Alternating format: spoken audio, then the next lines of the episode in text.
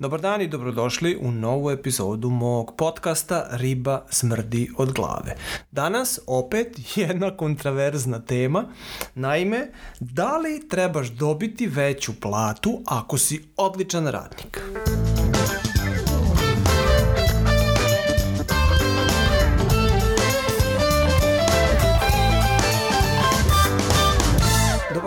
dobrodošli još jednom u novu epizodu mog podcasta. Baš sam uzbuđen zato što je ova tema prilično kontraverzna kao i mnoge druge koje smo već obradili u ovom podcastu.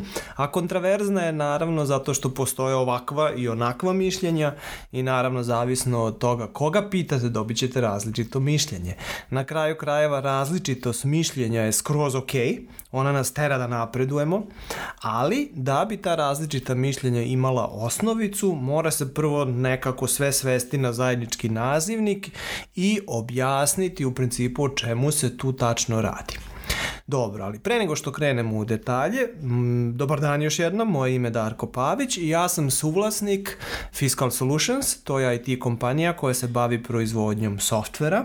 Proizvodimo middleware koji se integriše u POS aplikacije, i to radimo za vodeće e, svetske trgovce, odnosno za vodeće proizvođače POS aplikacija. To su recimo Oracle, GNK i mnoge, mnoge, mnoge druge. Postojimo već 18 godina i poslujemo u puno zemalja ovog sveta. Same instalacije su nam u 18, ako se ne varam, a kupci nam dolaze iz mnogo više e, zemalja ovoga sveta. Tako da je jedan važan deo našeg poslovanja, naravno, internacionalizacija i razumevanje internacionalnog biznisa. Dobro, vratimo se na pitanje da li trebaš dobiti veću platu ako si dobar ili čak odličan radnik. Kratak i jasan odgovor, ne, ne trebaš. Naravno da znam da moj odgovor zvuči jako grubo i sigurno ću sada popiti ko hoćeš hejtova na koje kakvim socijalnim mrežama, ali dozvolite mi prvo da ga objasnim o čemu se radi tu naime. Kad poslodavac ima potrebu da nekog zaposli, on u principu u glavi tačno ima određeni zadatak za kog za koji, odnosno za čije izvršenje on zapošljava tog čoveka. Naravno, ne radi se tu samo o jednom zadatku, nego o njih više, nekad o čitavoj grupi zadataka ili o tipu zadataka. Očekivanje svakog poslodavca je da onaj radnik koji je primljen odradi te zadatke sa odličnom kvalitetom, naravno, i sa zadovoljavajućom brzinom. Znači, niko ne, zadovolj, ne, ne zapošljava radnika misleći pri tome u glavi, pa možda on neće to dobro zadovoljiti, ali nema veze. Ne, ja ako nekog zaposlim, onda e, u principu očekujem od njega i zato ga i zapošljavam a, da mi ispuni te zadatke sa odgovarajućom kvalitetom i odgovarajućom brzinom. Drugim rečima, dogovorena plata se zarađuje u principu kroz ispunjenje dogovorenog zadatka i to u odličnoj kvaliteti i sa zadovoljavajućom brzinom. Vrlo jednostavno. Ne možeš dobiti platu ako kvaliteta tvoje isporuke nije dobra. Ili ako si suviše sporte, onda sve, ostali, sve ostale kolege, svi ostali projekti i ostali timovi e, zavise od tebe i budu ugroženi naravno. Naravno da i kvaliteta i brzina rada ne mogu od početka biti na potrebnom nivou. Naravno, kad počneš negde u kompaniji još ne znaš sve kako funkcioniše u toj kompaniji ili možda si jednostavno novi u toj temi i treba da naučiš prvo materiju i nakon toga stekneš iskustvo, znanje i tako dalje i onda i kvaliteta i brzina na određenom nivou. To je sasvim ok.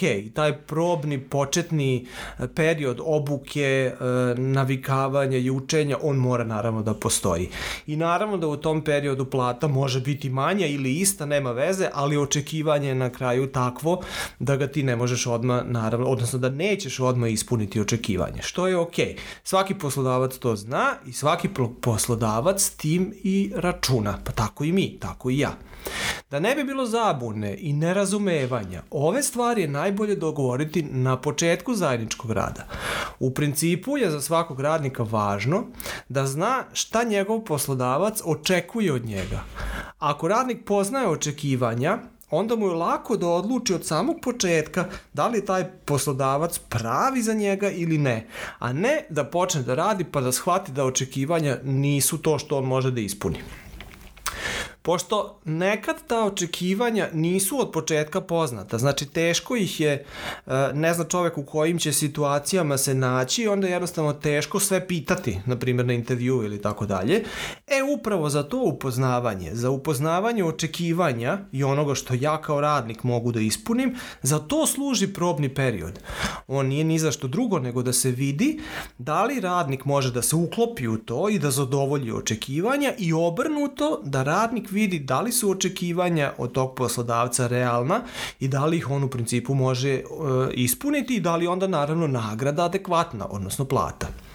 Ok, naravno da se u tom konceptu postavlja pitanje onda kako napredovati, jer ako sam ja zaposlen za određeni zadatak, ja ga odlično ispunjavam, odnosno sukladno, u, u skladu, odnosno sa očekivanjem, znači dobijem svoju platu, kako ja onda da napredujem dalje, kako da, kako da se dalje razvijam? Pa vrlo jednostavno, napredavanje u svakom pogledu, pa i tako u pogledu plate je moguće samo ako uradiš nešto više od očekivanja. Ja te zapošljavam za to da ispuniš očekivanje. Kako onda da ti raste plata? Na osnovu čega? Samo na osnovu postojanja, to je naravno nije realno. Realno bi bilo da više isporučiš i naravno za to što si više i bolje isporučio, za to možeš očekivati naravno e, i veću platu, adekvatnu nagradu. Drugim rečima, ako te poslodavac zaposli za nešto, on očekuje za to 100% ispunjenje tog zadatka, znači 100% očekivanje da to bude dobro i dovoljno brzo. Ako želiš više i ako želiš da napreduješ, moraš pružiti 120%, ali 120%, oni 20% ne znači da si ti bolje uradio zadatak koji ti je neko dao, jer ako ga možeš i bolje uraditi, onda se postavlja pitanje zašto si mi ga juče loše loše radio, ako možeš i bolje.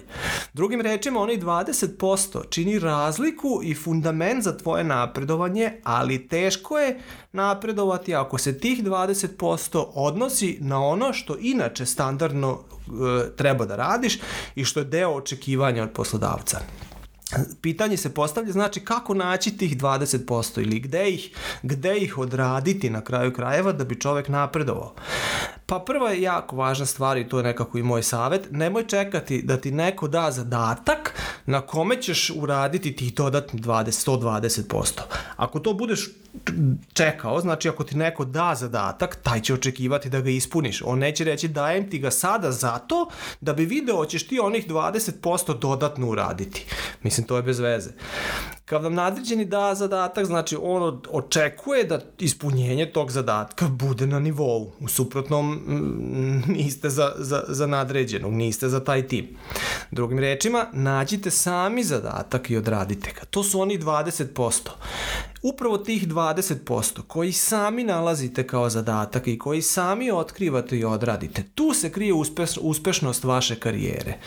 Nemojte brinuti da niko neće primetiti ako to uradite. Ako izvršite zadatak koji do juče nije ni postojao kao zadatak i to izvršite dobro i tako da to donese prosperitet kompaniji, vašem timu i tako dalje, to se uvek primeti. Zato što jednostavno taj rezultat juče nije postojao, a danas ste vi u principu napravili taj rezultat.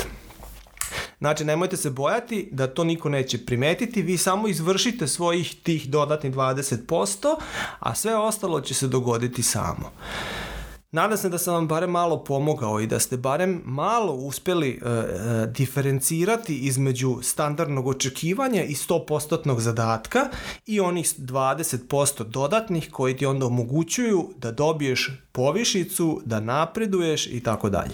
Znači, da se vratimo na osnovno pitanje, da li trebaš dobiti veću platu ako si odličan radnik? Ne trebaš, zato što se od tebe očekuje da budeš dobar radnik. Zaposlen si zato da dobro ispunjavaš svoj zadatak, a ne da ga loše ispunjavaš, pa ako budeš bolji, kako bude, onda ćeš dobiti povišicu. Ne, zaposlen si zato da svoj zadatak odlično ispunjavaš, a sve ono što on top uradiš, e, to ti je razlog za napredovanje.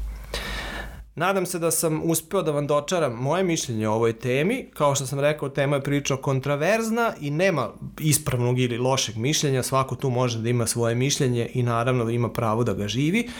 Nadam se da sam malo pomogao i sa jednom vrstom saveta kako vam je lakše napredovati u bilo kojoj kompaniji, ne samo u našoj. E, I bilo bi mi drago da se slušamo i u sledećoj epizodi. Lep pozdrav!